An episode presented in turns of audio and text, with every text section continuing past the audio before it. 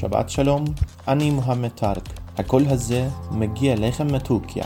ברוכים הבאים לפרק ה-26 שלנו בפלטפורמה הזאת. בכל יום שבת, כצוות כל טורקיה נסקר את החדשות החשובות ביותר מהתקשורת הטורקית. אנחנו מקווים שתהנו ועקבו אחרי החדשות של טורקיה.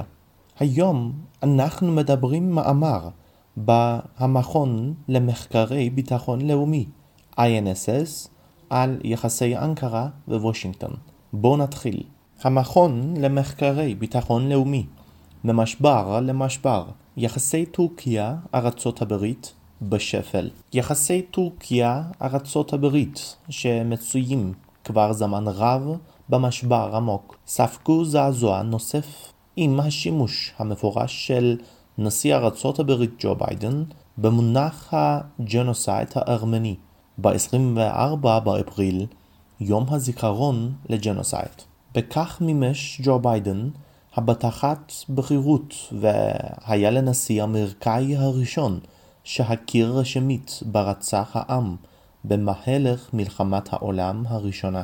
עוד במהלך הקדנציות של ברק אובמה ודונלד טראמפ הדימוי של טורקיה בוושינגטון השתנה ממדינה שהינה בעלת ברית מעורכת למצב שבו אין לה כמעט תומכים בבירה האמריקאית.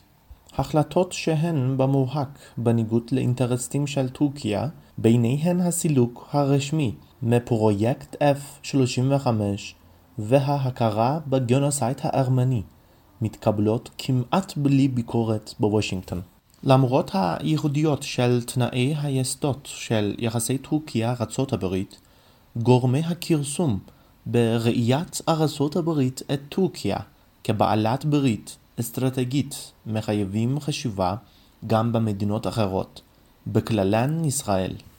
בשיחת טלפון שקיים עם נשיא טורקיה רג'פ טייפ ארדואן, לאחר שנמנע מכך במהלך שלושת חודשי כהונתו הראשונים, הנשיא ביידן עדכן אותו על המהלך, אך גם הדגיש את עניינו לקיים מערכת יחסים קונסטרקטיבית בין המדינות.